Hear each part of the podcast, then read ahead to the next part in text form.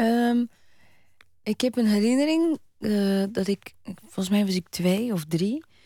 En er was een piano bij mijn ouders thuis en ik kon niet zitten. Dus ik stond op de pianostoel, uh, spelend en allemaal dingen mm, ja, aan het doen.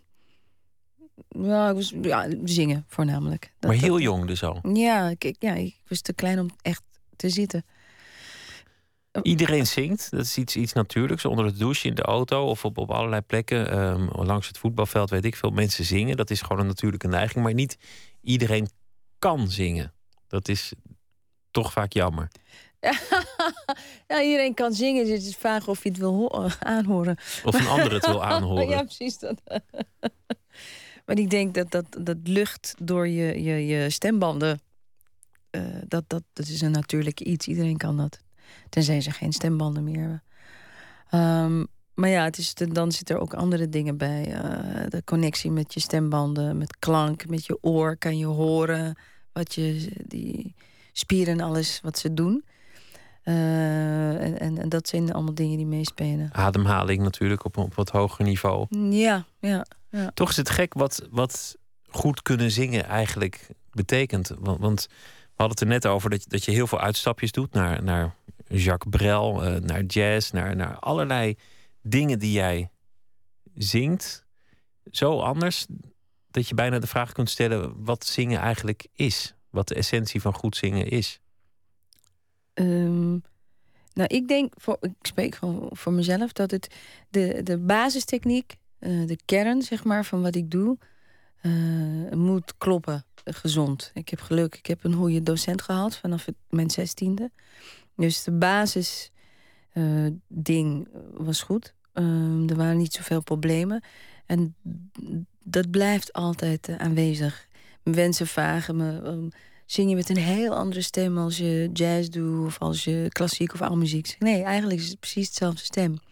Alleen pas je aan, zoals ik eerder zei, bepaalde stijlen of vibrato verander je, dat soort dingen.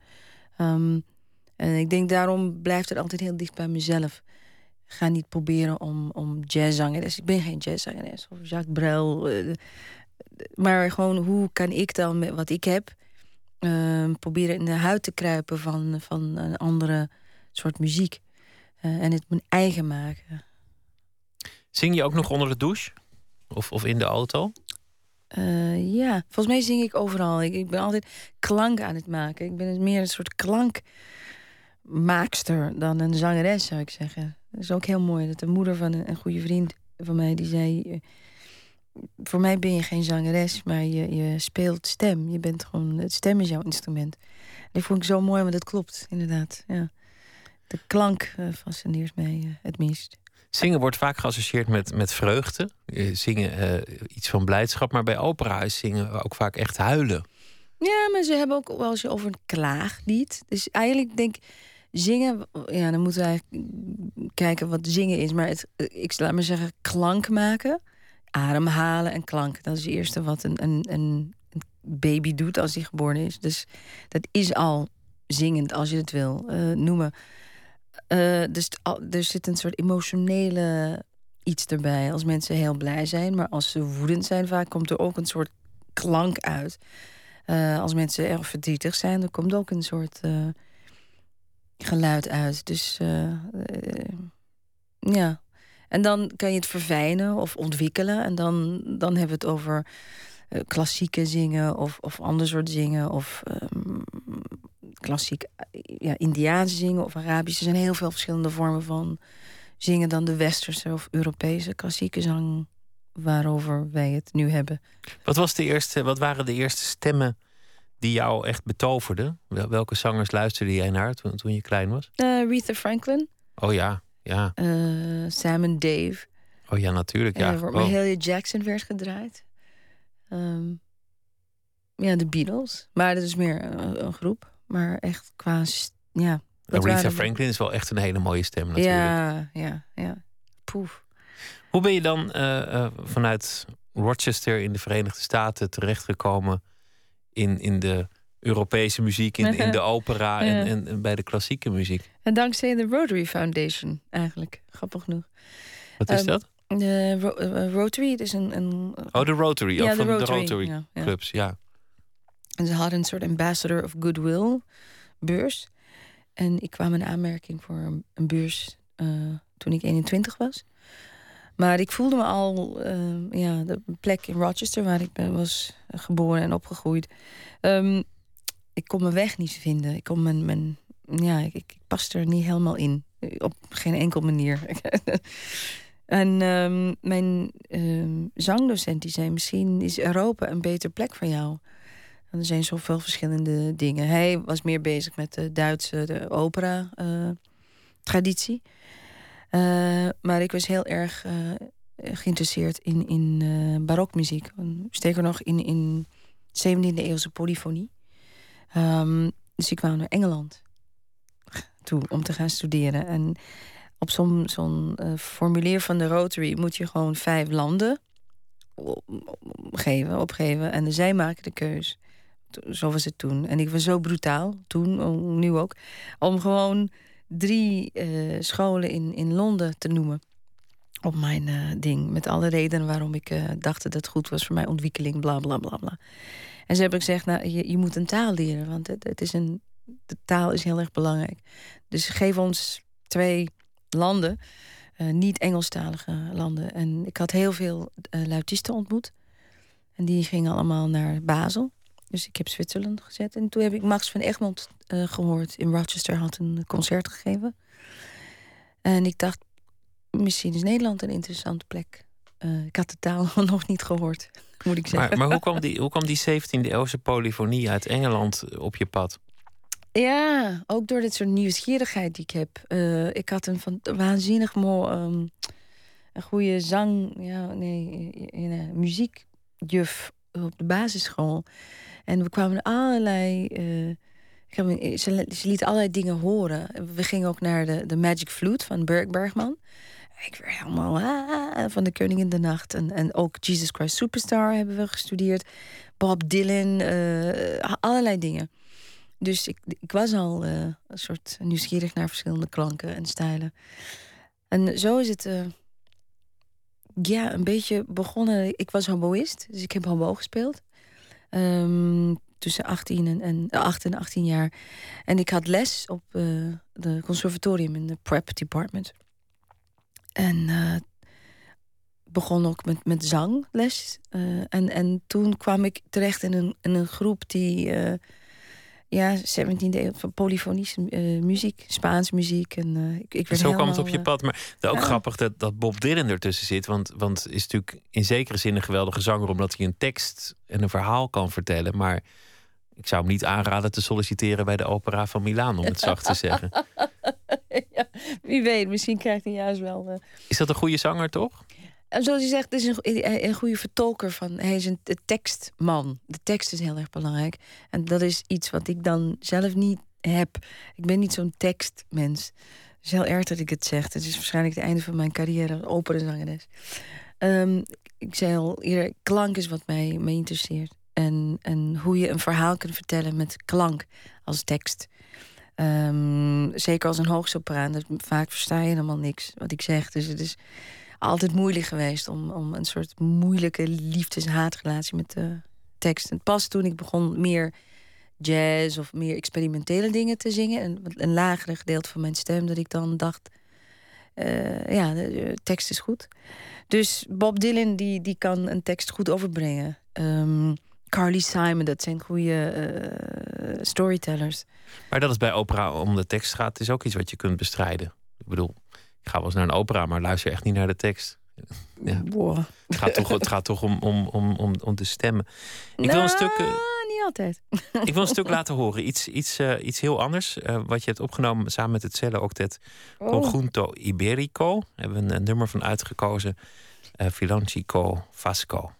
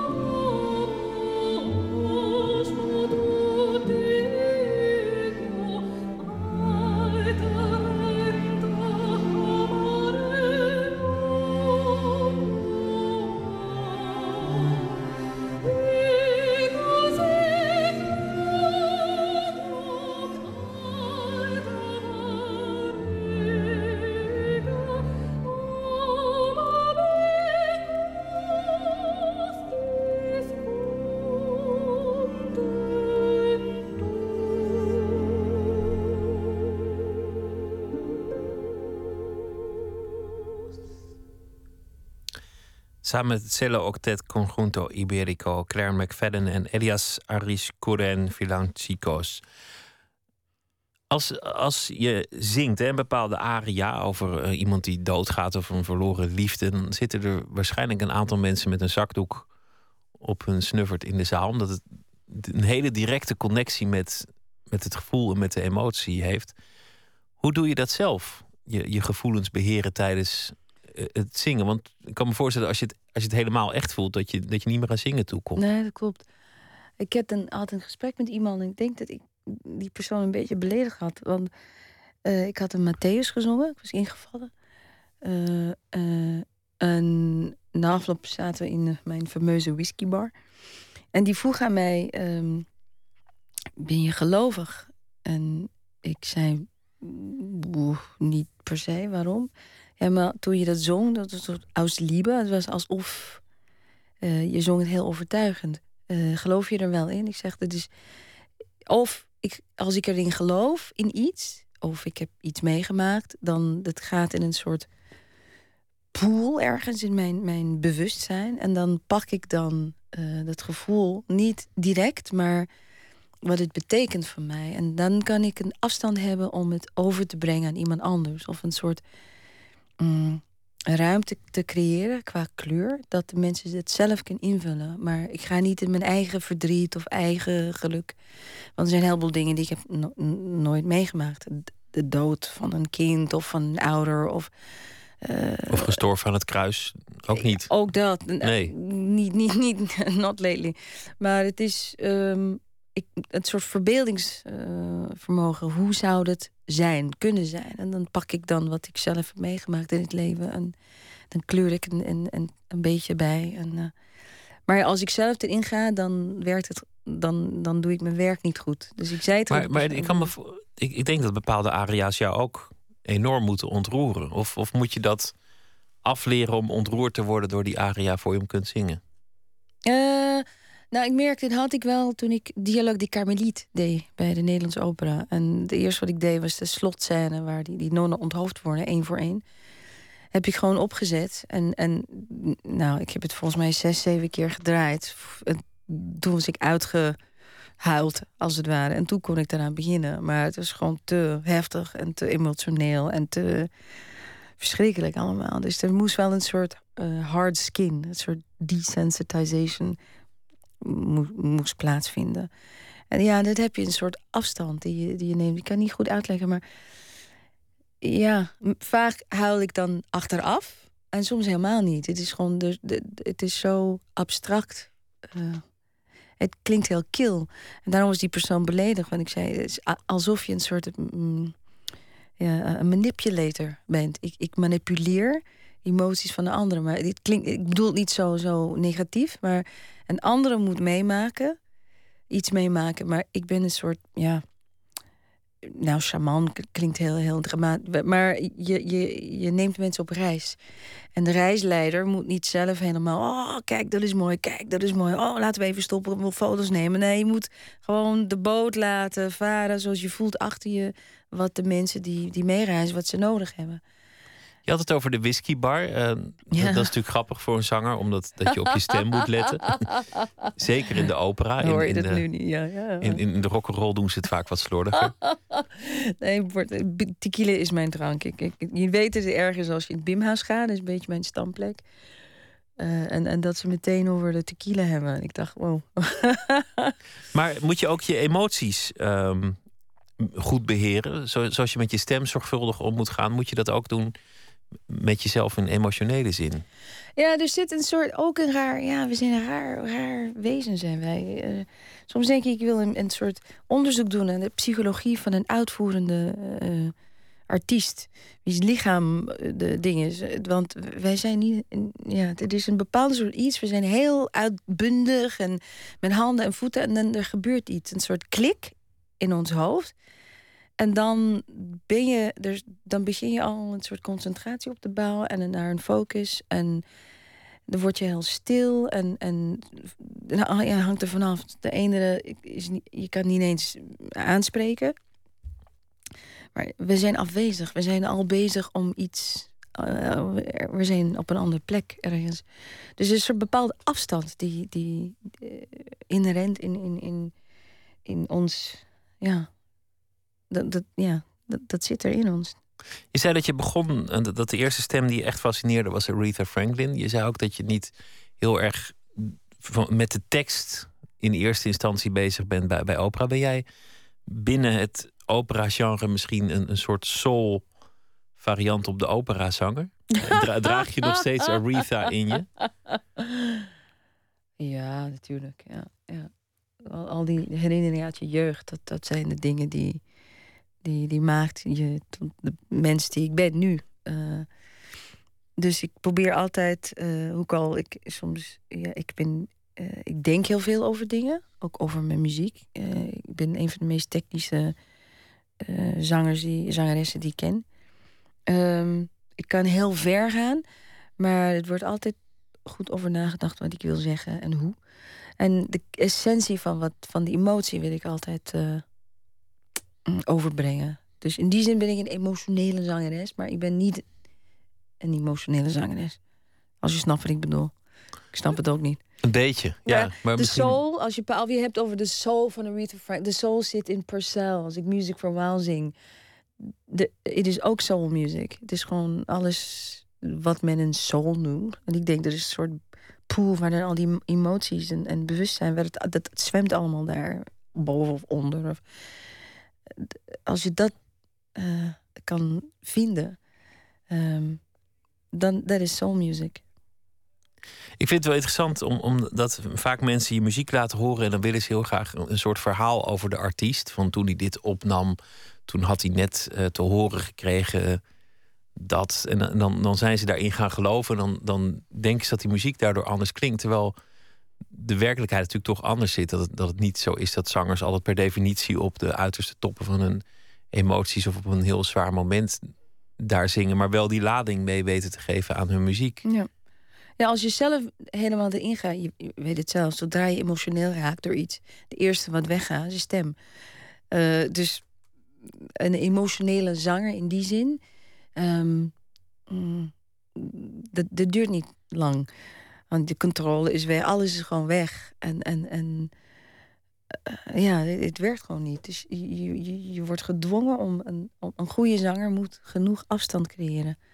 Dat de anderen die emoties uh, mee leven en voelen. N niet jijzelf. We moeten het ook nog hebben over de, de voorstelling. Want de operadagen die staan uh, te beginnen. Mm. Deze voorstelling, en het is een hele constructie. Je gaat mee met een boot. En dan kom je bij, bij de voorstelling uit. Uh, het is Arthur. Het is een uh, opera van Purcell die, die aan de basis zit. Dat zijn de stukken die jij zingt. Maar tegelijk is het ook een theatervoorstelling. Die gaat over de Eerste Wereldoorlog, die dit jaar, 100 jaar geleden is begonnen. Hoe, hoe combineren die twee eigenlijk? De, de, de 17e eeuw en de Eerste Wereldoorlog. Ja, grappig, hè?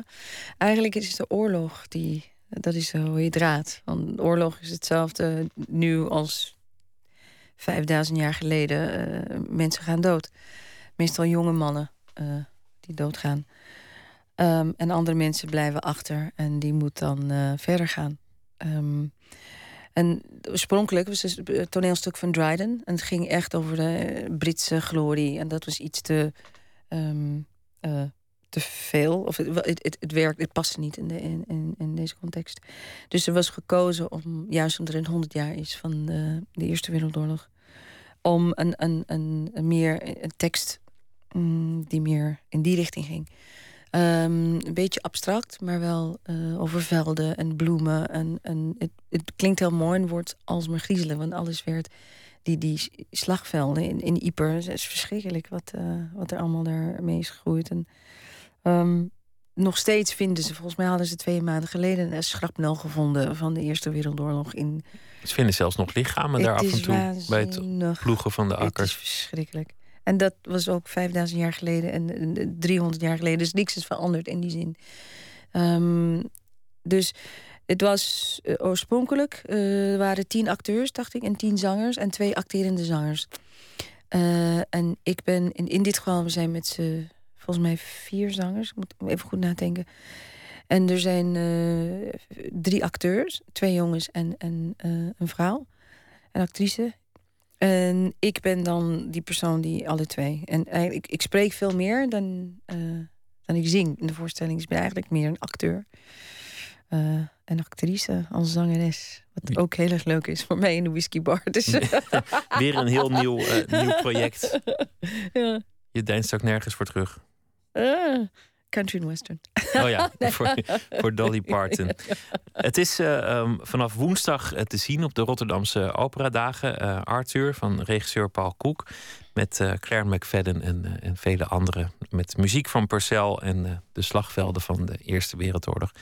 Dank je wel. Dank dat je te gast wilde zijn. En veel succes met alle andere projecten. Want ook tijdens het Holland Festival ben je ook weer te zien met, met van alles. Hm. En, en, daarna ook weer met heel veel andere projecten. Dank je wel voor je komst en, uh, en, veel succes. Zometeen uh, in Nooit meer slapen krijgt u een verhaal van de Rotterdamse schrijver Raoul de Jong. Die is genomineerd voor de Bob de Jong-prijs, voor het uh, Bob den L-prijs, voor het uh, beste reisboek. En we gaan het hebben over het filmfestival in Cannes, want dat is deze week weer bezig. Op Twitter, VPRO-NMS of via de mail nooitmeerslapen.vpro.nl. Graag tot zometeen.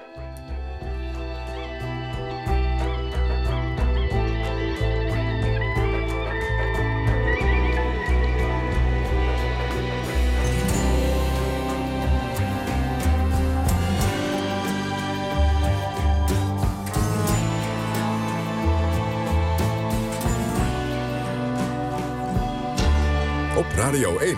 Het nieuws van alle kanten.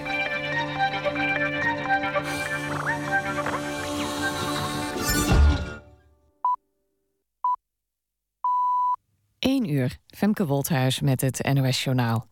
Het Riviera-bad in Spijkenisse is vanavond ontruimd... omdat bezoekers last hadden van tranende ogen. Sommigen hadden ook ademhalingsproblemen en een bloedneus. 45 mensen zijn naar het ziekenhuis gebracht, van wie de meeste kinderen. 18 mensen zijn later zelf naar het ziekenhuis gegaan. Waarschijnlijk gaat het om een chloorlek door een defecte pomp. In het zwembad was een zwemdisco bezig. In totaal waren er 382 mensen aanwezig, vooral kinderen. De man die is aangehouden in de zaak van de bende van Nijvel... is een Brusselaar van rond de 70.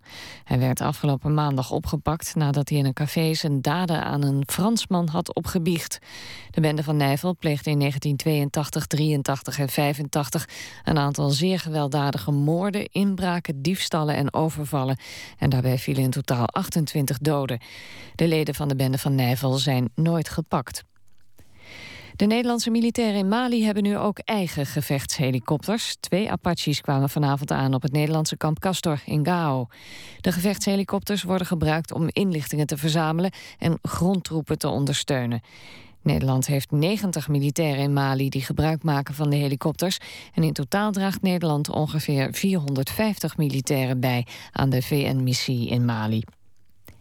In de binnenstad van Valkenswaard mag de politie preventief fouilleren. De politie heeft informatie dat er in het gebied iemand geliquideerd zal worden. Burgemeester Anton Edeveen van Valkenswaard heeft een deel van de binnenstad aangewezen als veiligheidsrisicogebied.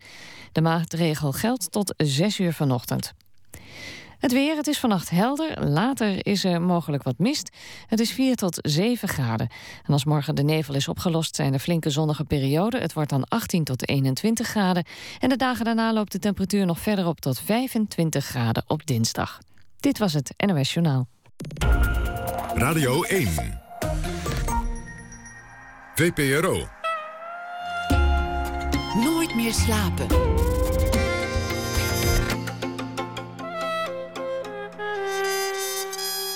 Met Pieter van der Wielen. U luistert naar Nooit meer slapen op Radio 1. We beginnen het tweede uur als altijd met een schrijver die we laten reageren op iets dat die dag is gebeurd in de wereld. Maar we pakken het eh, deze dagen iets anders aan, want de Bob de Nijl-prijs zit eraan te komen van de VPRO. Jaarlijks een prijs voor het beste reisboek. En de genomineerden schrijven om de beurt een uh, verhaal voor ons. Vandaag de Rotterdamse schrijver Raoul de Jong, genomineerd vanwege het boek De Grootsheid van het Al. En daarin doet hij verslag van een voetreis naar Marseille, ongetraind en zonder route. Goedenacht, Raoul. Hallo, goedenavond. Dat klinkt eigenlijk als een slecht plan, ongetraind en zonder route naar Marseille lopen. Ja, uh, ja, maar dat was het niet. Het, het klonk mij even als een goed plan in de oren. Eh, en ehm, ja, toen heb ik eh, NRC gemaild om te vragen of als ik ging lopen... of zij dan stukjes over de reis wilden plaatsen op hun website. Eh, en zij zeiden meteen ja, en toen was er geen weg meer terug. En toen klonk het mij eigenlijk meteen ook als een heel slecht plan in de oren. Maar uiteindelijk is het een van de beste dingen die ik ooit heb gedaan. Dat is vaak met eh, dingen die aanvankelijk klinken als een slecht plan. Of dat is Ja. meestal als iets klinkt als een slecht plan, is het ook gewoon een slecht plan. Maar er zijn dan af en toe momenten dat een slecht plan ineens een heel goed plan blijkt. En daar moet je toch ook eh, achteraan lopen. Ja, ja precies. Goed, de, de opdracht voor vandaag is eh, om te kijken of er iets is in de wereld dat vandaag zich heeft voorgedaan, dat jou kon inspireren voor een verhaal dat je nu zou voordragen. Wat heb je gevonden? Ehm, ja, een stukje uit een eh, Duitse krant. eh, Die Welt. Ehm, en het gaat over Heinz Stuke. En dat is een man die ehm, in 1963 is eh, weggefietst uit zijn dorp in Duitsland en nooit meer is teruggekomen. Tot afgelopen week. En ik hoorde voor, over hem voor het eerst terwijl ik naar Marseille aan het lopen was. Eh, van een jongen die naar eh, Zuid-Afrika fietste. Eh, en dat was op dat moment dezelfde kant op als Mar- Marseille. Dus we hebben toen twee dagen met elkaar doorgebracht. Eh, en s'avonds aan een kampvuur vertelde hij over een andere reis die hij had gemaakt naar China. En daar was hij Heinz Stuke tegengekomen. Ehm, ja, en het leek zo aantrekkelijk op dat moment wat die Heinz Stuke deed. Nooit meer stoppen met dit. En Die, die is gewoon op fietsvakantie gegaan en de rest van zijn leven op fietsvakantie gebleven. Ja, precies. Ja, ja en dat, dat leek dus zo mooi op dat moment daar onder de sterren aan het kampvuur. Eh, dus daar hadden we het over, of we dat zouden kunnen. En uiteindelijk kwamen we toch tot de conclusie allebei dat we dat niet zouden kunnen. En dat het reizen zonder, het zonder thuiskomen, dat het, eh, ja, dat het geen zin heeft. En reizen zonder doel. En je loopt Ja. natuurlijk ook in onze wereld bureaucratisch helemaal vast. Want, want ze, moeten ergens al die formulieren naartoe sturen om je te registreren en, en te controleren. Ja, nou ja, blijkbaar is dat to- toch wel mogelijk, want hij zoeken die deed, deed dat dus nog steeds. Eh, tot deze week, want hij is, eh, de afgelopen week is hij eh, teruggekomen in Duitsland, in het dorpje waaruit hij eh, 51 jaar geleden vertrok. Ehm, hij fietste ergens door Vlaanderen, of België in elk geval. Eh, en hij werd heel erg ziek en hij kon naar links eh, doorgaan eigenlijk met, eh, met reizen. Of hij kon rechts afslaan terug naar Duitsland. En er was een stemmetje in zijn hoofd die zei nou, dat hij terug moest naar Duitsland. En thuiskomen Dus hij- is toch het leukste van, van de reis. Sorry? Thuiskomen is toch het leukste van reizen. Ja, precies. Maar bij hem heeft het dus 51 jaar geduurd voordat hij, eh, voordat hij thuis kwam. Eh, en dat was nooit zijn plan ook eigenlijk. Eh, Zijn plan was om eh, alle landen ter wereld te zien. en nooit meer te stoppen met, met fietsen. Maar uiteindelijk is hij dus toch teruggekomen na 51 jaar. Je, je, je had een verhaal daarover, wat, je- wat je wilde, wilde voordragen. Ja, ja. Nou ja, wa- wa- wat ik mooi vond aan, aan dat artikel in de krant... was dat eh, hij, hij, hij is niet meer van plan om te gaan reizen... maar hij was ook niet bang voor de toekomst, al is hij inmiddels 73... omdat hij heel veel verhalen heeft. Ehm, en dat was de laatste zin van, eh, van het artikel. De meeste mensen zijn bang voor wat er komt na de volgende, eh, na de volgende bocht. Zegt Stoeke, hij niet, zijn toekomst is zijn verleden.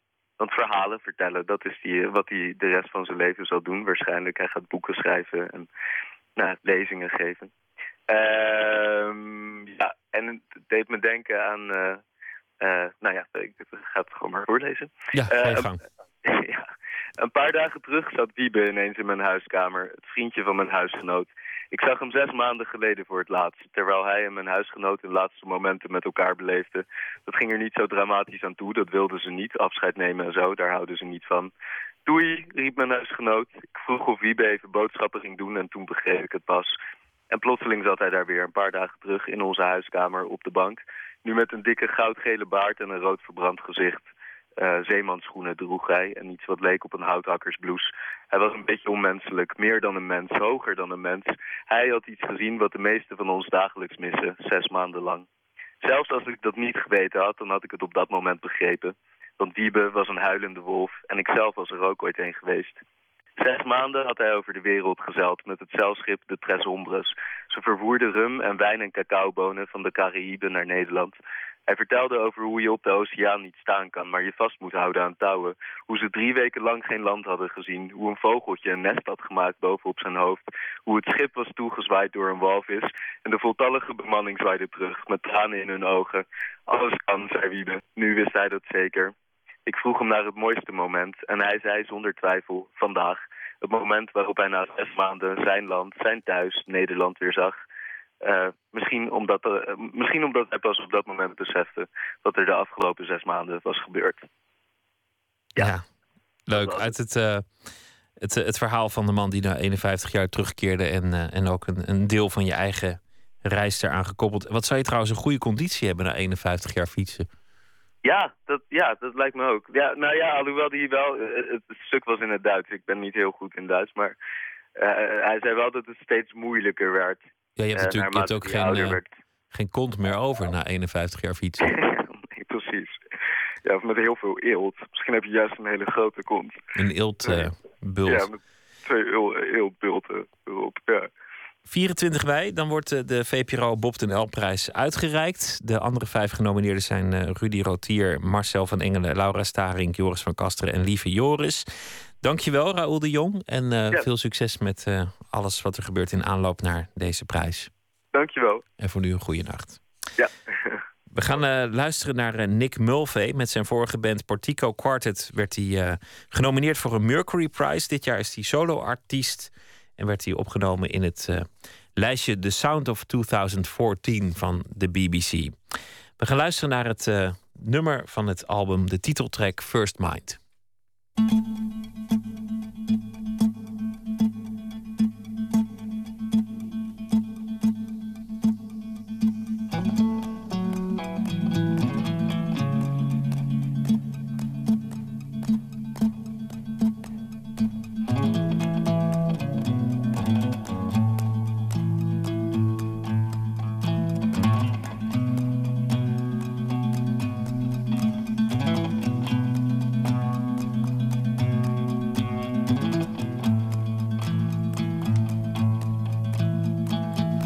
Late in the evening, I think upon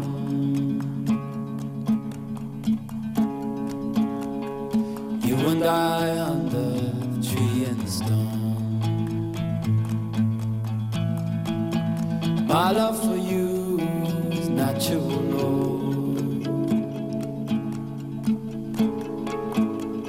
self evident like ever show freedom of form lies low.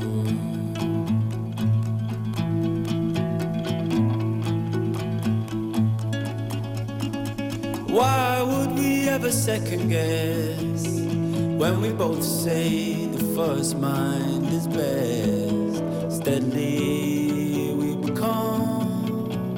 let it run, let it run. And how many times must we be stunned? Every star is a rising sun. I'll be leading on, you be leading on. And step with the forces and spin with the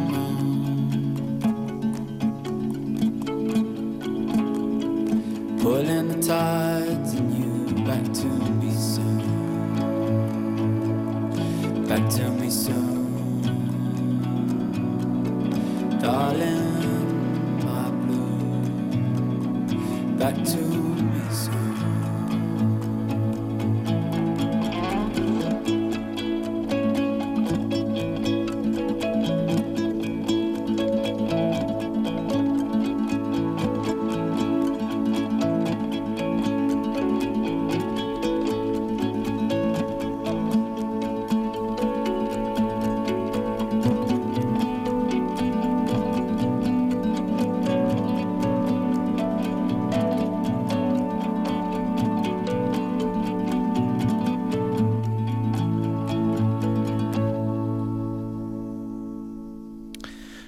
First Mind was dat afkomstig van het gelijknamige debuutalbum van de Engelse zanger Nick Mulvey. Die uh, optreedt in Utrecht en Amsterdam uh, in juni.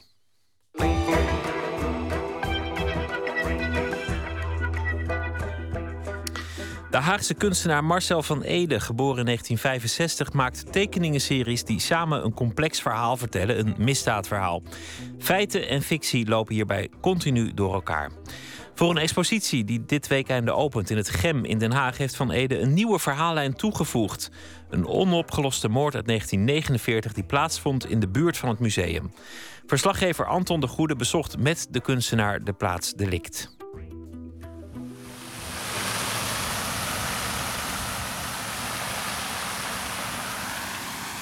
Wat we horen is een fontein van ongeveer 2,5 meter hoog. Die als een, in de vorm van een, van een... Ja, wat voor vorm is dit? Maar... Geen idee. Een fontein. Een echte klassieke fontein die van onder naar boven sprietst. als een, laag. Als een, als een ejaculatie. Ja, een hele langdurige. Een langdurige ejaculatie. En we bevinden ons in Den Haag bij een vijver. En dat is niet zomaar een vijver, Marcel van Ede. We zijn hier naartoe gegaan omdat die vijver, daar heeft zich iets plaatsgevonden... dat heeft jou geïnspireerd tot kunst, tot tekeningen. Uh, ja. Ik heb, dit, ik heb een verhaal gevonden dat speelt rondom deze vijver. Het speelt in 1949. En dat verhaal heb ik nu omgezet in een, in een tekeningsserie, in een, in een fictief verhaal. Dus ik heb het gebruikt als materiaal. En ik maak al langere tijd van deze verhalen, die allemaal op elkaar aansluiten, waar een zekere Oswald Solman de hoofdrol speelt. En deze Oswald Solman is in 1949 in Den Haag en beleeft hier een avontuur. En, dat, en deze vijver speelt daar een hele belangrijke rol in. Omdat hier een hele mysterieuze moord heeft plaatsgevonden. Die, nog niet als, die nog steeds niet als, officieel als moord in de boeken staat. En die vijver bevindt zich, waar we nu zijn? In de wijk uh, Zorgvliet. Ik denk dat het is Zorgvliet. Tegenover de oude metro, uh, metropool, oh, metropoolbioscoop. Ja. Het is zo lang al weg afgebroken dat ik niet meer weet hoe die heet. Maar hij heette Metropool, niet Monopool. En daar ging je als Hagenees, als kind naartoe. En die bevond zich aan de andere kant van de straat bij deze vijver. En daar is nu nieuwbouw gepleegd. Daar is een, uh, ja, een misdrijf gepleegd bijna. Een, uh... een tweede misdrijf. Ja. Laten we ons begeven een beetje uit de buurt van deze fontein... omdat hij klettert en maar doorgaat met ejaculeren. Ja. Um, en dan aan jou de vraag. Ja, jij laat je inspireren door verhalen. Hè? En wat er nu in het gem te zien is... is opnieuw een weerslag van verhalen. Uh, je bent ook wel een literaire tekenaar genoemd. Als je je in jou verdiept, dan kom je namen tegen als Van Oudshoorn, Gert Achterberg. Alsof je verhalen nodig hebt om te kunnen tekenen. Ja, misschien. Ik, ik, uh, ik heb zelf altijd schrijver willen worden. Dat is nooit, uh, nooit van gekomen. En nu probeer ik dan via dan een achterdeur toch weer boeken te schrijven, maar dan met tekeningen. Dus die verhalen bedenk ik zelf. Ik gebruik de geschiedenis als een soort materiaal. Ik gebruik oude foto's die ik gebruik uh, en, en daar maak ik fictie van. Maar ik gebruik ook oude verhalen. En ik gebruik oude boeken of oude, oude literatuur. En dat alles mix ik samen als een soort uh, berg uh, klei. Daar, maak, daar klei ik wat nieuws van, zeg maar. Een en nieuwe geschiedenis. Toen stuitte je onder meer op dit verhaal van een moord. Dat verhaal gaan we nu van jou horen. En daarvan dacht je op een gegeven moment... ja, dat is zo'n ankerpunt op basis waarvan ik allerlei verhalen ga maken. Ga nee, tekeningen gaan maken. Nee, ja, precies. Maar ik maakte al langer allerlei verhalen... omtrent dezelfde protagonist. Dezelfde hoofdfiguur. En nu in dit geval is het een klein, een klein uh, uh, verhaal wat er weer tussen komt, zeg maar. Een extra verhaal. Want deze hoofdfiguur is uh, niet alleen directeur van het donkerste museum ter wereld... Een museum dat alleen tekeningen toont. En tekeningen en andere documenten. Dat natuurlijk heel donker moet zijn omdat het papier anders aangetast wordt door het licht. Maar hij is ook spion en moordenaar. En allerlei andere spannende beroepen. En kunstenaar is hij ook altijd geweest. Zijn naam is? Zijn naam is Oswald Solman. En die naam is ook fictief, maar die is samengesteld uit verschillende... En Solman heb ik ergens gevonden in een boek, ik weet niet meer waar. En Oswald komt van Lee Harvey Oswald natuurlijk. De moordenaar van Kennedy. Nu dat verhaal van die vijver. Wat is daar gebeurd? Ja, dit verhaal, daar speelt een zekere Frits Schallenberg. Ik zeg maar Schallenberg, want het was eigenlijk een Duitser. Die speelt een belangrijke rol in dit verhaal. Uh, hij was, uh, het, het, verhaal speelt in 1949. Schallenberg was niet helemaal duidelijk wat hij was. Hij was niet fout in de oorlog, maar misschien ook niet goed. Maar hij had contacten met verschillende verzetsgroepen, verschillende extreemrechtse verzetsgroepen. Maar hij had ook goede contacten met de politie na de oorlog. Dus hij was ook een soort dubbelspion. Die rechtse verzetsgroepen die, die, hadden een hele, die zijn doorgegaan na de oorlog. En die hebben zich meer met Indonesië bezig gehouden. En waren dat Nederlandse rechtse verzetsgroepen? Ja, dat waren gewoon rechtse verzetsgroepen uit de Tweede Wereldoorlog. Maar er ontstond na de Tweede Wereldoorlog, en hoe dat precies zit, dat weet niemand, omdat het een tamelijk geheimzinnig gedoe is. Na de Tweede Wereldoorlog was het tamelijk veel zwart geld uh, onder de verzetsgroepen. En die wisten allemaal waar het was. En, dat geld moest, wilde iedereen natuurlijk naar boven krijgen en hebben. En dat geld is in de oorlog opgebouwd door, door corruptie of door, door smeergeld te betalen. En in dit geval ging het ook om zwart geld dat in de oorlog is vergaard, een zwart kapitaal. En er was een zekere Mukke, dat was een Duitse inkoper voor de Duitse troepen. Het was niet per se een, een, foute Duitser, maar hij uh, liet zich graag betalen voor een paar extra inkopen. Dus hij kocht in voor de Duitse weermacht en werd daar natuurlijk uh, ook persoonlijk goed voor betaald met allemaal zwart geld. Dat zwart geld dat had hij uiteindelijk opgespaard uh, in, in diamanten en aandelen. 2,5 miljoen was dat waard, gulden. En hij is gevlucht na de oorlog naar Zwitserland. Maar dat zwarte kapitaal zat nog in Nederland. 2,5 miljoen aandelen en diamanten. Hij uh, had dat geld nodig in Zwitserland, want hij zat zonder geld. En hij dacht, als ik nou maar 2,5 2,5 ton heb, dus 250.000 gulden, dat is dan genoeg. Daar wil ik het wel voor verkopen. Dus hij probeerde via deze Frits Schallenberg, die nog in Nederland woonde, dat was een tennisleraar die hier in de Piet Heinstraat een, een sportwinkel had. En tegelijkertijd dus allerlei vage contacten. Via die Frits Schallenberg probeerde hij dit kapitaal voor 10% van de waarde te verkopen. En daar is het fout gegaan. Want die Mukke was niet alleen inkoper voor de Duitsers, maar na de oorlog werd hij ook financieel adviseur voor het Vaticaan, voor Europa. En hier vlak achter deze vijver ligt de internunciatuur, de, de ambassade van het Vaticaan. En Mukke had geregeld dat Schallenberg die s'nachts kon gebruiken. Dus de overdracht van de aandelen, als hij die zou kunnen verkopen, dat zwarte pakket, dat zou plaatsvinden in, in de internunciatuur. Uh, hier achter ons. Schallenberg is s'nachts, uh, de avond van de nacht van de 13e op 14 eh, september 1949 is hij onderweg gegaan van de Piet Heinstraat in de richting van de Carnegielaan. Hier achter ons, waar die, eh, die ambassade was. En dat zou s'nachts plaatsvinden, want de politie moest natuurlijk geen lucht van krijgen. En het was natuurlijk ook uh, neutraal grondgebied. En daar is het misgegaan, ergens. Er was hier vlakbij aan de overkant van de vijver was een villa van een zekere Dumont. En Dumont was het hoofd van een, van een oude extreemrechtse verzetsgroep. Die zich na de oorlog bezighield met uh, Indonesië en vooral met kapitein uh, Westerman. Kapitein Westerling. En die wilde die, wilde die verzetsgroep financieren. En dat was Dumont en, en allerlei figuren. En die wilde waarschijnlijk die aandelen kopen. Dat pakket van Schallenberg. Ja, oké, die man is dus vermoord. Die is hier er is nooit helemaal duidelijk geworden wie nou eigenlijk die moord gepleegd heeft. Nee, het is zelfs nooit een moord geweest. Het is direct, uh, je kan het uh, nalezen. Tegenwoordig heb je op internet Delver. Dat uh, kun je in heel veel oude kranten zoeken. Dat daar maandenlang is er een discussie geweest of het nou wel zelfmoord was. Want officieel is het direct dezelfde dag als zelfmoord de boeken ingegaan. En dat komt omdat de, Schallenberg en ook die verzetsgroep had contacten bij de politie en bij allerlei. Dus die moord is waarschijnlijk in de doofpot, doofpot ge, gestopt. Uit de waarheid, 28 september 1949. In de ochtend van de 14 september tegen half elf werd het lijk van Schallenberg in een slootje bij de Groothertoginnenlaan gevonden. Om half tien, of volgens dagblad Het Volk om tien uur, dus één uur, respectievelijk een half uur, voor de gruwelijke vondst, had Schallenberg zich nog bij een kapper laten scheren. De moord moet dus op klaarlichte dag onder zeer riskante omstandigheden en in grote haast hebben plaatsgevonden. Volgens het verhaal van het volk nam de politie direct aan dat het om een zelfmoord ging. Hoewel het onwaarschijnlijk moest lijken dat een man op klaarlichte dag in een slootje van 20 centimeter diepte zou trachten de hand aan zichzelf te slaan.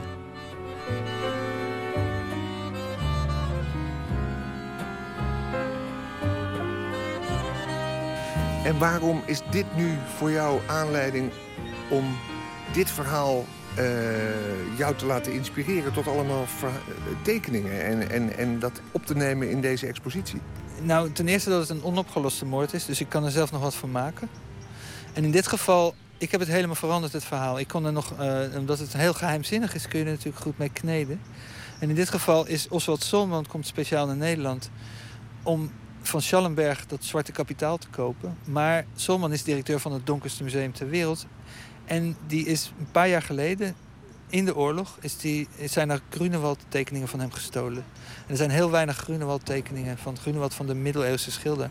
Daar zijn maar heel weinig tekeningen van bekend. Maar hij had een pakket tekeningen gekocht. En die zijn van hem gestolen. En die zaten in deze, uh, in dit, in dit in deze aanbieding van die, van die Schallenberg.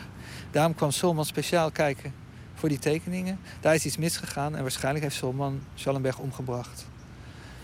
Je houdt wel van suspense ook en van raadselachtige, ja. bizarre onderwerpen. En dat is er natuurlijk eentje van. Of heeft het ook een politieke associatie? Of heeft het, wil je daar iets mee demonstreren of wil je er iets mee uiten? Nee. nee, het is, ik, ik gebruik gewoon materiaal wat ik vind. Maar het is natuurlijk ook omdat ik het... Ik vind het spannend. Maar iedereen vindt dat wel spannend. Iedereen kijkt graag naar thrillers of naar James Bond films of naar... Uh, of leest graag uh, thriller. Jij zegt, je hebt het verhaal wat eigenlijk een heleboel onduidelijke kanten had, heb jij ingevuld en heb je jouw verhaal gemaakt. Dat dat zo gelukkig was. Wat voor verhaal is dat dan geworden? Uh, wat, hoe bedoel je dat? Nou ja, je zegt van, uh, was het niet eens duidelijk of het zelfmoord was of moord. Wat is het bij jou geworden? Of heb je dat niet ingevuld? Ja, nee, dat heb ik wel ingevuld. Ik heb de moord eigenlijk opgelost. Dat heb ik met uh, een andere moord ook gedaan. De vorige tentoonstelling had ik in Gladbeck. Daar was ook iemand vermoord. Die heb ik ook opgelost. Dus ik doe, in cold cases. in dit geval is, is hij dus vermoord door Solman en die groep. Die rechtse groep van Dumont. Die in die villa zat. En hij is met chloroform verdoofd en in de vijver gegooid. En is daar verdronken. Maar de vijver is 20 centimeter diep en officieel is het dus als zelfmoord... Nog steeds staat het officieel als zelfmoord te boek. Maar in 20 centimeter water is het moeilijk jezelf ombrengen. En waarom is het destijds niet als zodanig opgelost? En uh, is er dus die sluier over blijven liggen van een zelfmoord die ongeloofwaardig is? Ja, waarschijnlijk omdat er contacten waren met hele hoge mensen bij de politie. En met een burgemeester van Den Haag in die tijd, uh, De Vries. Die, uh, die ook zelf deed in allerlei zwarte handel. En die hebben daar waarschijnlijk allemaal mee te maken gehad. En de kans is groot dat het... Uh... ja, je, je, leest veel in bijvoorbeeld de, de Waarheid, de krant. Die, die hield van een flinke sensationele rel wat dat betreft. Dus die heeft ook heel veel van dit soort uh, ideeën in de wereld gebracht in die tijd. Dat kun je dus allemaal nalezen in die, op die nieuwe website.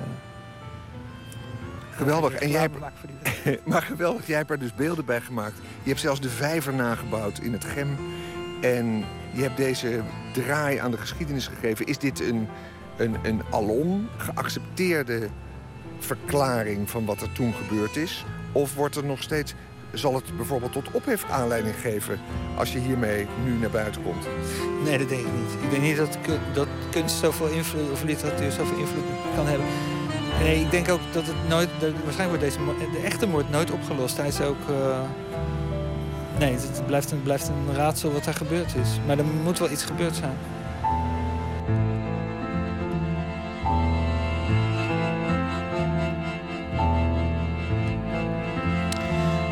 Vanaf deze zaterdag te zien in het GEM naast het gemeentemuseum in Den Haag. Marcel van Ede met nieuwe reeks tekeningen, gebaseerd dus op onder andere deze duistere Haagse moordzaak. Een bijdrage van Anton de Goede was dat. Harry Belafonte werd beroemd met de Banana Boat Song, met die eh, lange uithaal, Deo. Hij was de eerste zwarte zanger die meer dan een miljoen albums verkocht. En toch mocht Belafonte in het Amerika van de jaren 50 niet door de voordeur van het theater waarin hij optrad naar binnen gaan. En daarom heeft hij zich jarenlang ingezet voor de Amerikaanse burgerrechtenbeweging. We gaan luisteren naar Did You Hear About Jerry?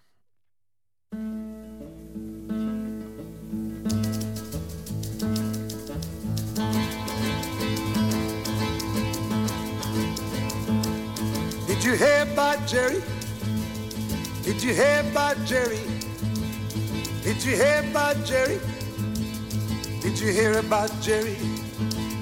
Did you hear about Jerry? Great God Almighty was the working man's friend. Did you hear about Jerry? Did you hear about Jerry? Did you hear about Jerry? Did you hear about Jerry? Did you hear about Jerry? I gotta pull this timber before the sun go down. Get it across that river before the boss come round. Drag it on down that dusty road. Come on, Jerry, let's tote that load. Did you hear about Jerry? Did you hear about Jerry? Did you hear about Jerry? Did you hear about Jerry? Well, my old Jerry is an Arkansas mule. Been everywhere and he ain't no fool. Work get heavy, old Jerry gets slow. Pull so much I won't pull no more. Cry timber, timber. Lord, this timber's gotta roll. Timber, timber. Lord, this timber's gotta roll. Well, the boss kicked Jerry and he made him jump. Jerry ride and kicked the boss on the rump. My old Jerry is a good old mule. Had it been me, Lord, I'd have killed that fool. Cry timber, timber. Lord, this timber's gotta roll. Timber, timber.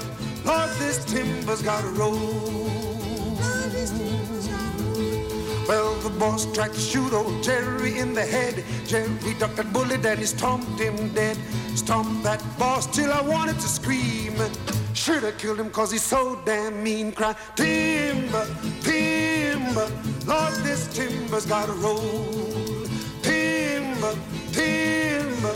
Lord, this timber's gotta roll. I gotta pull this timber for the sun go down. Get it across that river for the boss come round. Drag it on down that dusty road. Come on, Jerry, let's tote that load. Grind timber, timber. Lord, this timber's gotta roll. Timber, timber.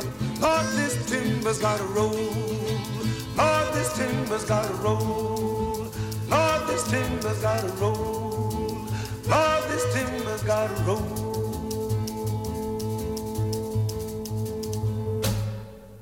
The King of Calypso, Harry Belafonte. Did you hear about Jerry uit 1962? Nooit meer slapen.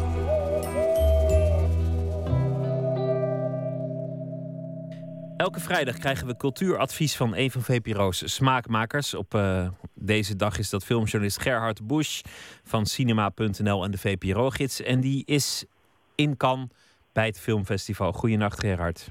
Goedenacht. Hoe is het in, uh, in Cannes? Is dat, uh, zijn dat de leukste dagen van het jaar? Ja, dat is toch eigenlijk. Dit is het belangrijkste festival van het jaar. Sorry, uh, Rotterdam. Maar dit is met afstand het belangrijkste festival van het jaar. Dus uh, nee, dat, uh, daar ga je graag naartoe. Het is pas net bezig hoor. Ik, ik, ben er wel vanaf dinsdag, maar het is woensdag begonnen. En we zitten nu op, vrijdag toch? Dus het is nog pas net begonnen. Hoe vul je daar je dagen? Wat, wat staat je allemaal te doen? Nou, het komt er een beetje op neer dat je zo'n beetje drie tot vier films ziet op een dag. En daar wil je dan weer interviews van doen.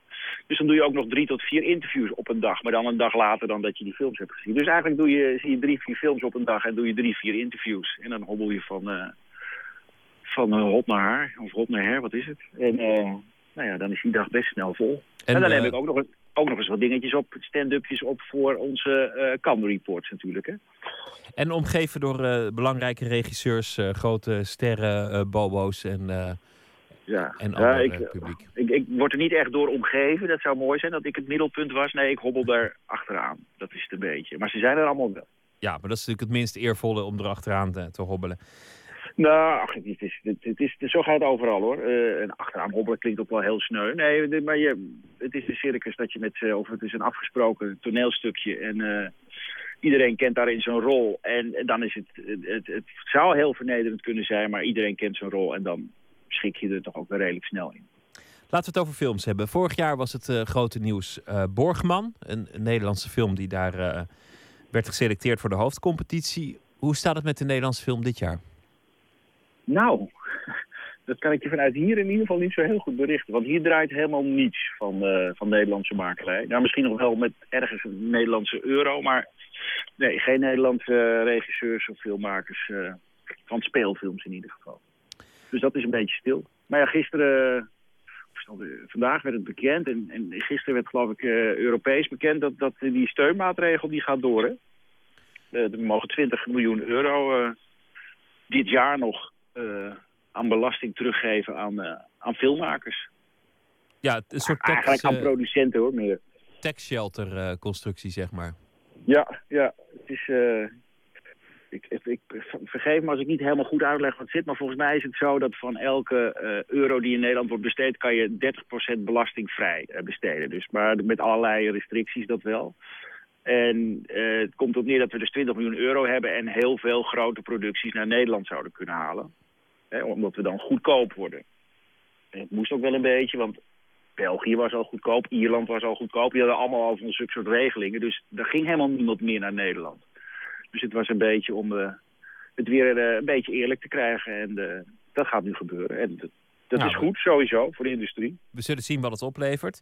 Um, laten we het hebben over films die je daar wel gezien hebt. Bij gebrek aan Nederlandse films dan. genoeg andere films. Wat heb je tot nu toe gezien? Nou, ik heb uh, Mr. Turner gezien. Dat zit ook in de derde aflevering van de Cannes Reports. Want dat is een hele mooie film geworden van Mike Lee. Moeilijke man, maar hij maakt altijd hele mooie films. Ik heb een western gezien uit Denemarken met Mats Mikkelsen. Ik heb net een, uh, vlak voor uh, dit gesprekje heb ik nog een Zwitserse film gezien. En uh, ja, ik, moet het, ik zou even moeten nagaan wat ik allemaal heb gezien. Maar al een half dozijn films valt ook wel mee. En de openingsfilm natuurlijk, Grace of Monaco. Oh ja, dat is veel om te doen. Ja, er werd vrij algemeen uitgelachen. En nou, dat vind ik te makkelijk. Maar als je er naar kijkt, dan zijn er ook wel momenten dat je denkt van, oh nee, zeg en doe dit nou niet. En dat deden ze dan toch. Dus het was, het was geen goede film. Wat was wel een goede film? Noem nog eens iets. Ja, de Mr. Turner dus. Uh, ik heb net heel hard moeten lachen om een Argentijnse film... waarvan ik alleen maar weet dat het tweede deel van de titel Salvajes is. Er zit iets voor, maar ik ben vergeten wat. Maar dat betekent in ieder geval wilde verhalen. Dat is een episodefilm die er eigenlijk op neerkomt dat wraak ook heel erg zoet kan zijn. Heel erg fijn kan zijn en bevrijdend kan zijn. En dat deed hij met extreem veel vaart en met extreem veel humor. Dus uh, nee, daar, heb ik, uh, daar werd ik wel heel erg blij van. Ja, dan moeten we het ook altijd hebben over de, de Gouden Palm, het, het prijzencircus. Wat, ja. zijn de, wat zijn de kanshebbers dit jaar? Ja, ja, je, je vraagt op het moment dat er, dat er vier van de twintig zo'n beetje, vier van de achttien zijn uh, vertoond. Dus ik, op, ik kan zelf niet zeggen, mijn eigen mening kan ik niet geven, want ik heb er bijna niks van gezien nog. Er is bijna niks van vertoond ook nog. Maar ja, die Mike Lee maakt altijd kans, want die heeft alleen gewonnen. De Dardennes hebben hier een film, die hebben er al twee gewonnen. Van de vijf keer dat ze meededen. En nu doen ze voor de zesde keer mee. Dus wie weet, het is een mooie film, ik heb het toevallig wel gezien. we hebben voor het eerst geloof ik, misschien wel voor het eerst, een, een vrouwelijk juryvoorzitter, Jane Campion. Was ook de enige vrouw die ooit een Gouden Palm won, in 1993, met, voor de piano. Maar ja, we hebben maar twee vrouwen in competitie en eigenlijk zou ik het ongelooflijk vreemd vinden als dan een van die twee vrouwen zou winnen. Want dat kan ze bijna niet doen. Want dan gaat iedereen zeggen, ja, maar ze winnen omdat ze vrouw zijn. Dat kan ze niet, de regisseurs niet aandoen. Dus ik denk niet dat die gaan winnen. Dus het zal wel een van de usual suspects zijn. Dus de, de, de, de Mike Lee of de Dardennes. Ik weet het niet. En je mag, uh, je mag nog een hele week blijven. Welke film uh, verheug je je op? Uh, The Homesman, grappig genoeg. Dat is een, of grappig genoeg, maar het is van een regisseur, Tommy Lee Jones. en die heeft één andere film gemaakt. The Three Burials of iemand, iemand, een van de Mexicaanse naam, ook een jaar of tien geleden. Een jaar of tien geleden. Dat vond ik een hele goede film. Dus ik ben heel benieuwd naar deze film. Weer een western. Hij heeft geloof ik ook een ranch. En, en hij is ook een heel erg westernachtig type. En er is nog een regiedebuut, of een regiedebuut dan van een acteur, van Ryan Gosling. En daar verheug ik me ook wel heel erg op. Ik vind het een leuke, interessante acteur, leuke man ook. Dus ik ben heel benieuwd wat voor film die heeft gemaakt. Goed, ik wens je nog heel veel uh, plezier in, uh, in Cannes. En uh, tot de volgende keer. Gerard Bush, dankjewel. Nou, dankjewel. Goeiedag. Hoi, hoi.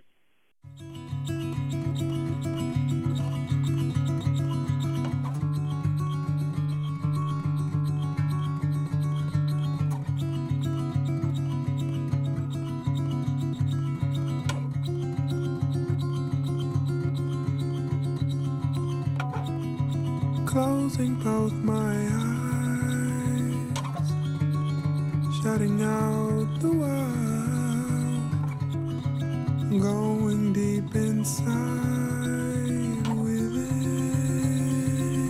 me.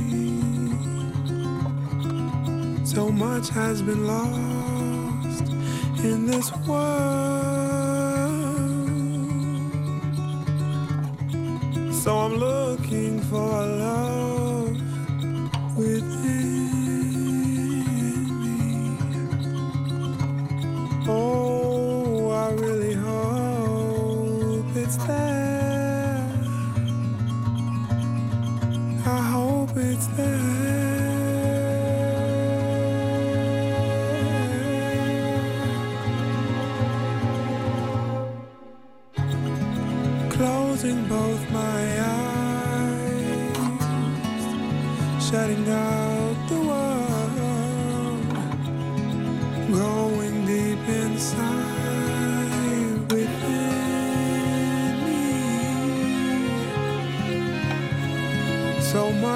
been lost in this world.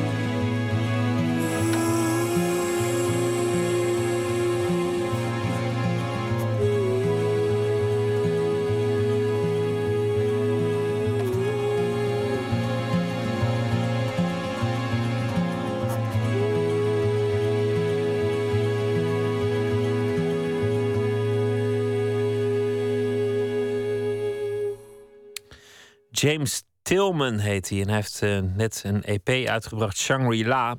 Hij is geboren in Washington, hij woont in New York, maar hij nam deze nummers op in eh, Sao Paulo in Brazilië. Het nummer heet eh, Love Within.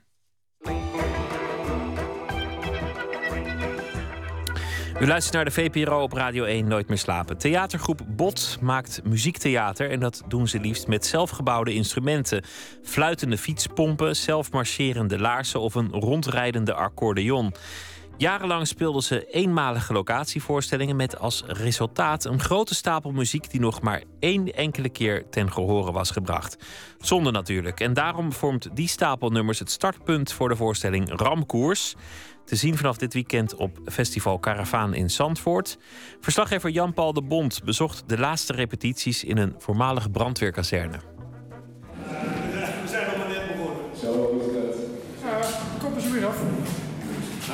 De kop is er weer af. Maar een brandweerkazerne klinkt toch echt, echt heel erg anders dan... Uh... Thomas, de toetsenman, zit nu even op zijn podiumpje met uh, vrije reguliere toetseninstrumenten nog. Maar ik zag daar in de hoek een soort... Oh, sorry. Een soort rad met daarin een kleine piano gemonteerd. Kunnen we het even van dichtbij bekijken? Ja, natuurlijk. Naar dat ding. En ja, ik sta naast een rad wat net iets groter is dan ikzelf. Dus een meter of uh, twee hoog zal het zijn. En uh, in dat rad, uh, een soort hamsterrad, moet je je bij voorstellen... is een kleine piano vastgezet met een coureurstoeltje erachter. En, en gordels. Ja, het stoeltje ziet er nog wel aardig veilig uit, ja. Ja, ja dat, dat, dat is maar goed ook, want ja, je gaat ondersteboven meerdere malen. Het gaat gewoon 360 graden rond. En dat, was natuurlijk best, dat moest natuurlijk best goed vastzitten. Nou vertrouw ik eh, Geert en Doan daar enorm op. Dus. maar, ehm, maar die eerste keer? Doodeng, ja. maar het zit gewoon hartstikke goed vast. En eh, het, het lastigste is om, ehm, om gewoon rustig piano te blijven spelen... eh, terwijl je ondersteboven hangt. En wat speel je, al rollend? En, en ja, een beetje een eh, dronken eh, eh, kroegwalsje, eh, zeg maar. Zoiets dergelijks. En, eh, ja, hij klinkt ook een beetje als een kroegpiano. Ja. Kun je een klein stukje laten horen?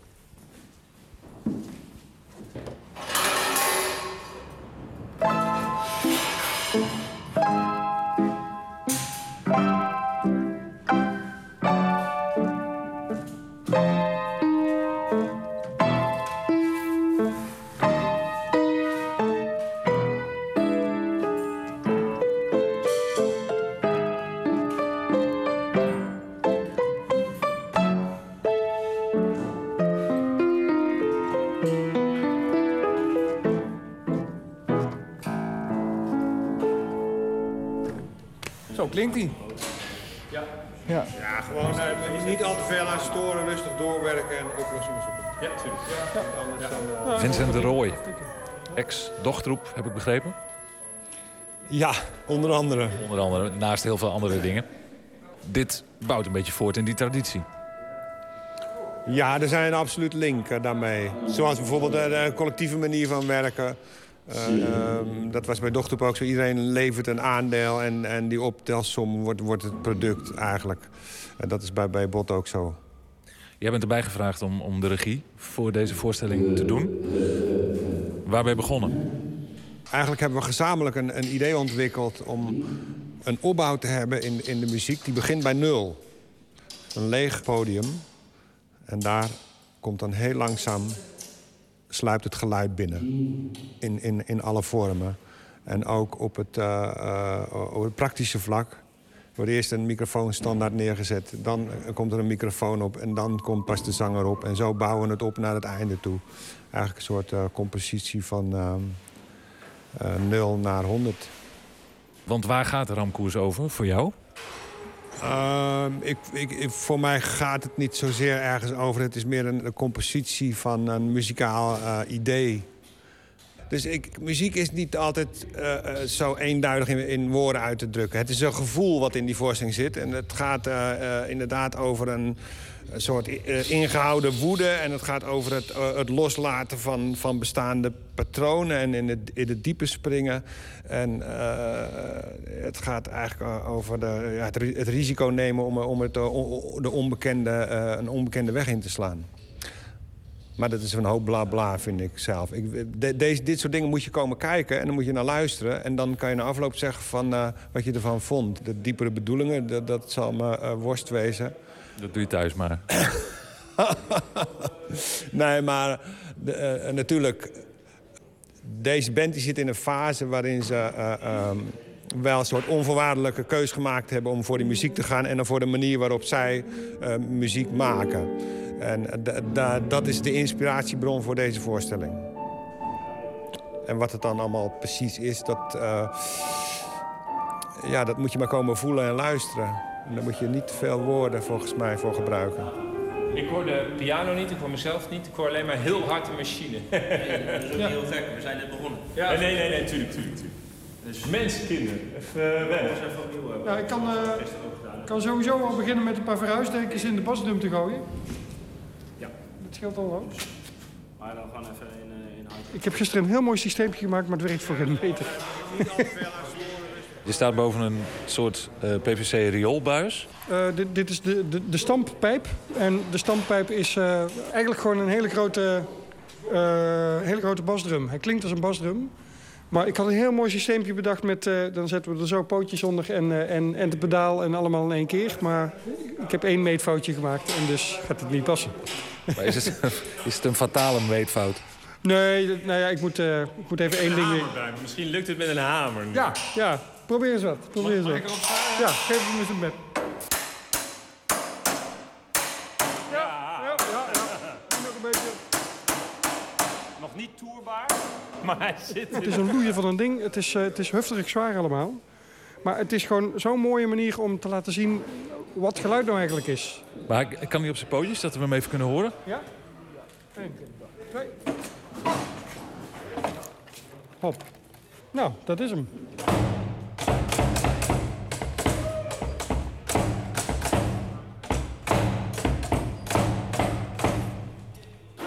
Zo simpel kan het leven zijn.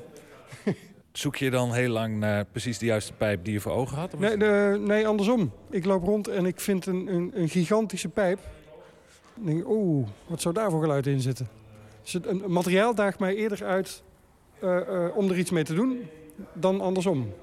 Geert, ik heb hier een fantastisch ding voor je. eh, Zo'n ouderwetse trapnaaimachine. Ja, prachtig, maar een naaimachine is veel te fijnstoffelijk voor mij. Dus daar kan ik niks mee. Maar dat trapmechaniekje eronder. Wat kun je daar nog meer mee doen dan het naaimachine wat het al was? En, eh, ja, en dan ben ik vertrokken. Dan, eh, eh, en dat wordt dan een, een, een, een, verschrikkelijk piepend apparaatje. Wat in eerste instantie verschrikkelijk klinkt. Maar als je zo'n ding op het juiste moment, in de juiste compositie, een hele mooie solo laat spelen. Dan is het een, een, een, een, een kermende, huilende mevrouw. Waar je echt meelij mee krijgt. En waar je echt mee meegaat. Is dat apparaat meegekomen voor deze voorstelling? Ja, ik moet even kijken. Waar staat, ehm, waar staat de zinger ergens? Eh, ah, ja. Het is inderdaad nog een eh, gietijzeren oude naaimachine. Ja, je, hebt, je, je- je kunt beneden kun je trappen en dan breng je beneden een vliegwiel in werking.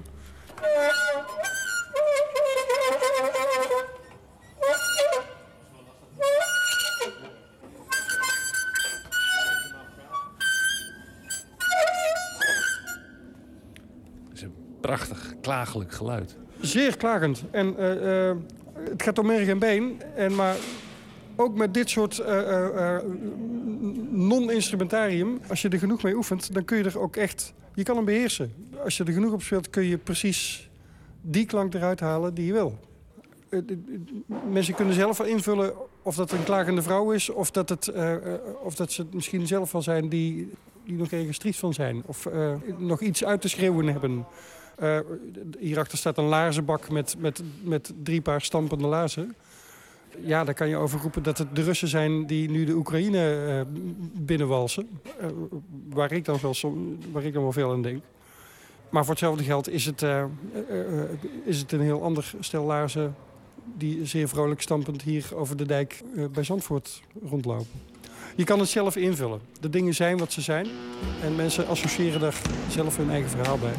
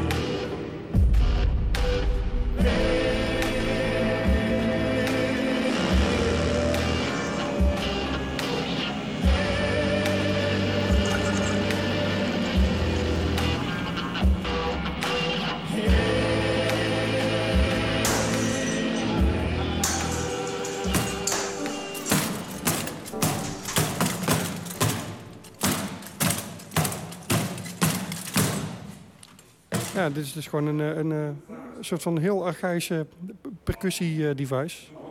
Tevens marcheermachine. Marcheermachine. Wat voor mij zelf dan weer een hele leuke is, is dat eh, ik heb lang in Zuid-Afrika gewerkt. Eh, daar komt deze kast vandaan. D- dat zegt het publiek verder niks, maar het is voor mij niet voor niks dat ik stampende laarzen in deze kast heb gemaakt. Het is zo'n zo'n een, een- een gaaskast, hij is, eh, hij is transparant, je ziet er alles in. Dit waren dus vroeger de lokkers van mijnwerkers in Johannesburg. Eh, daar kon je je spullen in opbergen, maar dan wel op zo'n manier dat je baas precies kon zien wat je in je kastje had. Ik vind het, iets, ik vind het een, eh, eh, een mooi vormgegeven ding, maar het heeft ook een hele nare rand. Dan denk ik van nou, dan zet ik daar eh nou, mijnwerkerslaarzen in. En dan gaan we daar eens even vrolijk mee rondstampen. Maar dat weet jij. Dat weet ik. En de mensen die de voorstelling zien, die krijgen niet het verhaal van mijnwerkers in Zuid-Afrika mee. Maar eh, eh, op die manier maak ik wel de dingen zoals ik ze maak. Ik, ik vind iets aan materiaal, of het nou een oude slaadroger is of een, eh, een oud stuk roest. Eh, eh, op het moment dat eh, materiaal mij iets doet, dan haal ik er ook veel makkelijker een geluid uit. Maar maak je het voor jezelf? Ehm, nee, ik, ik, eh, ja, een beetje wel natuurlijk. Eh, de, de, de- manier waarop je werkt, daar, eh, daar moet je jezelf in thuis voelen. Ehm, ik maak mijn werk vooral om mensen simpelweg te laten zien dat het anders kan. Om mensen net even wat inventiever naar dingen te laten kijken dan je in het dagelijks leven doet. Je gaat aan zoveel voorbij. Ik, ik vind het leuk om mensen te verbazen of het troost te bieden met drie keer niks. Met een ding wat je, wat je eigenlijk al lang kent, maar waar je gewoon aan voorbij gaat. Zo'n singer-naaimachientje wat, wat echt door merg en been snijdt, dat, dat vertelt zichzelf. Eh, terwijl het voor mij dan weer leuk is dat ik dat ding van Marieke Jager heb gekregen... en eh, wat, wat eh, een van mijn favori- favoriete singer-songwriters is. Ik vind dat leuk. En dan denk ik, nou, hij komt van Marieke af. Dan ga ik dat ding laten zingen ook. En dan wordt het dit. Voor het publiek is dat niet zo relevant als in... eh, ehm, eh, je schotelt mensen dingen voor die, waar je in eerste instantie wel we- waarvan weet, van denkt te weten wat het is. Maar er blijkt gewoon veel meer in te zitten. Ik, eh, ik kijk nog eens naar iets waarvan je je eigenlijk al een mening had gevormd. Probeer nog eens iets anders te doen met iets waarvan je het bestaan niet weet. Ehm, ja, simpelweg dat.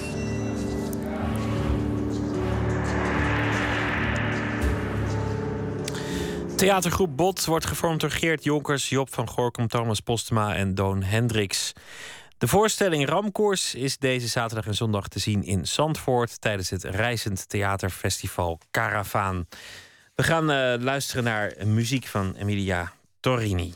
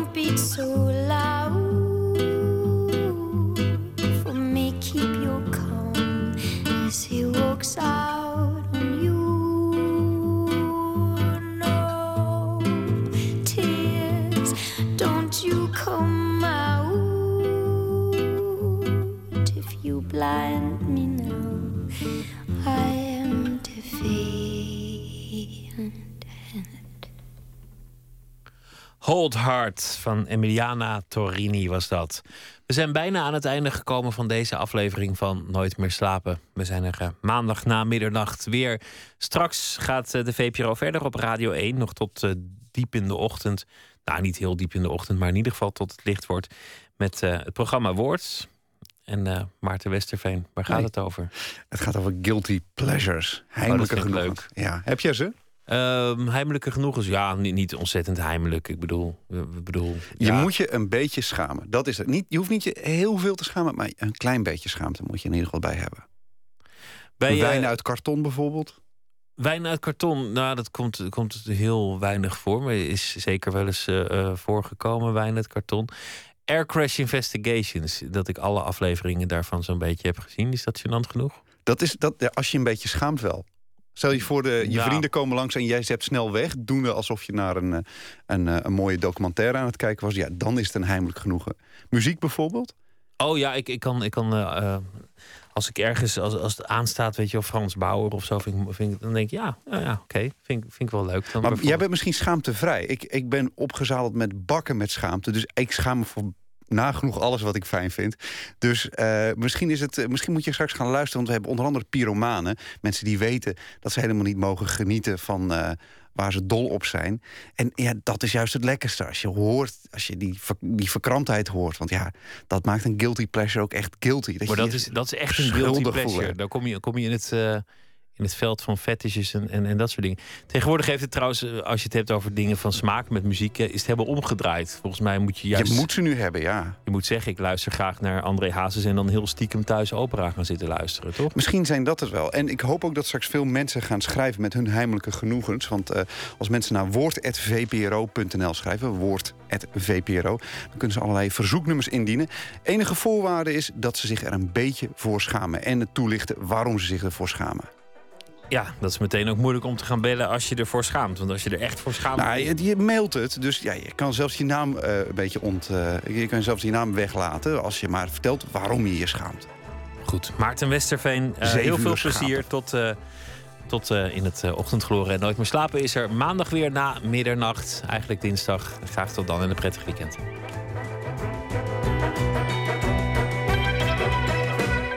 Op Radio 1, het nieuws van alle kanten.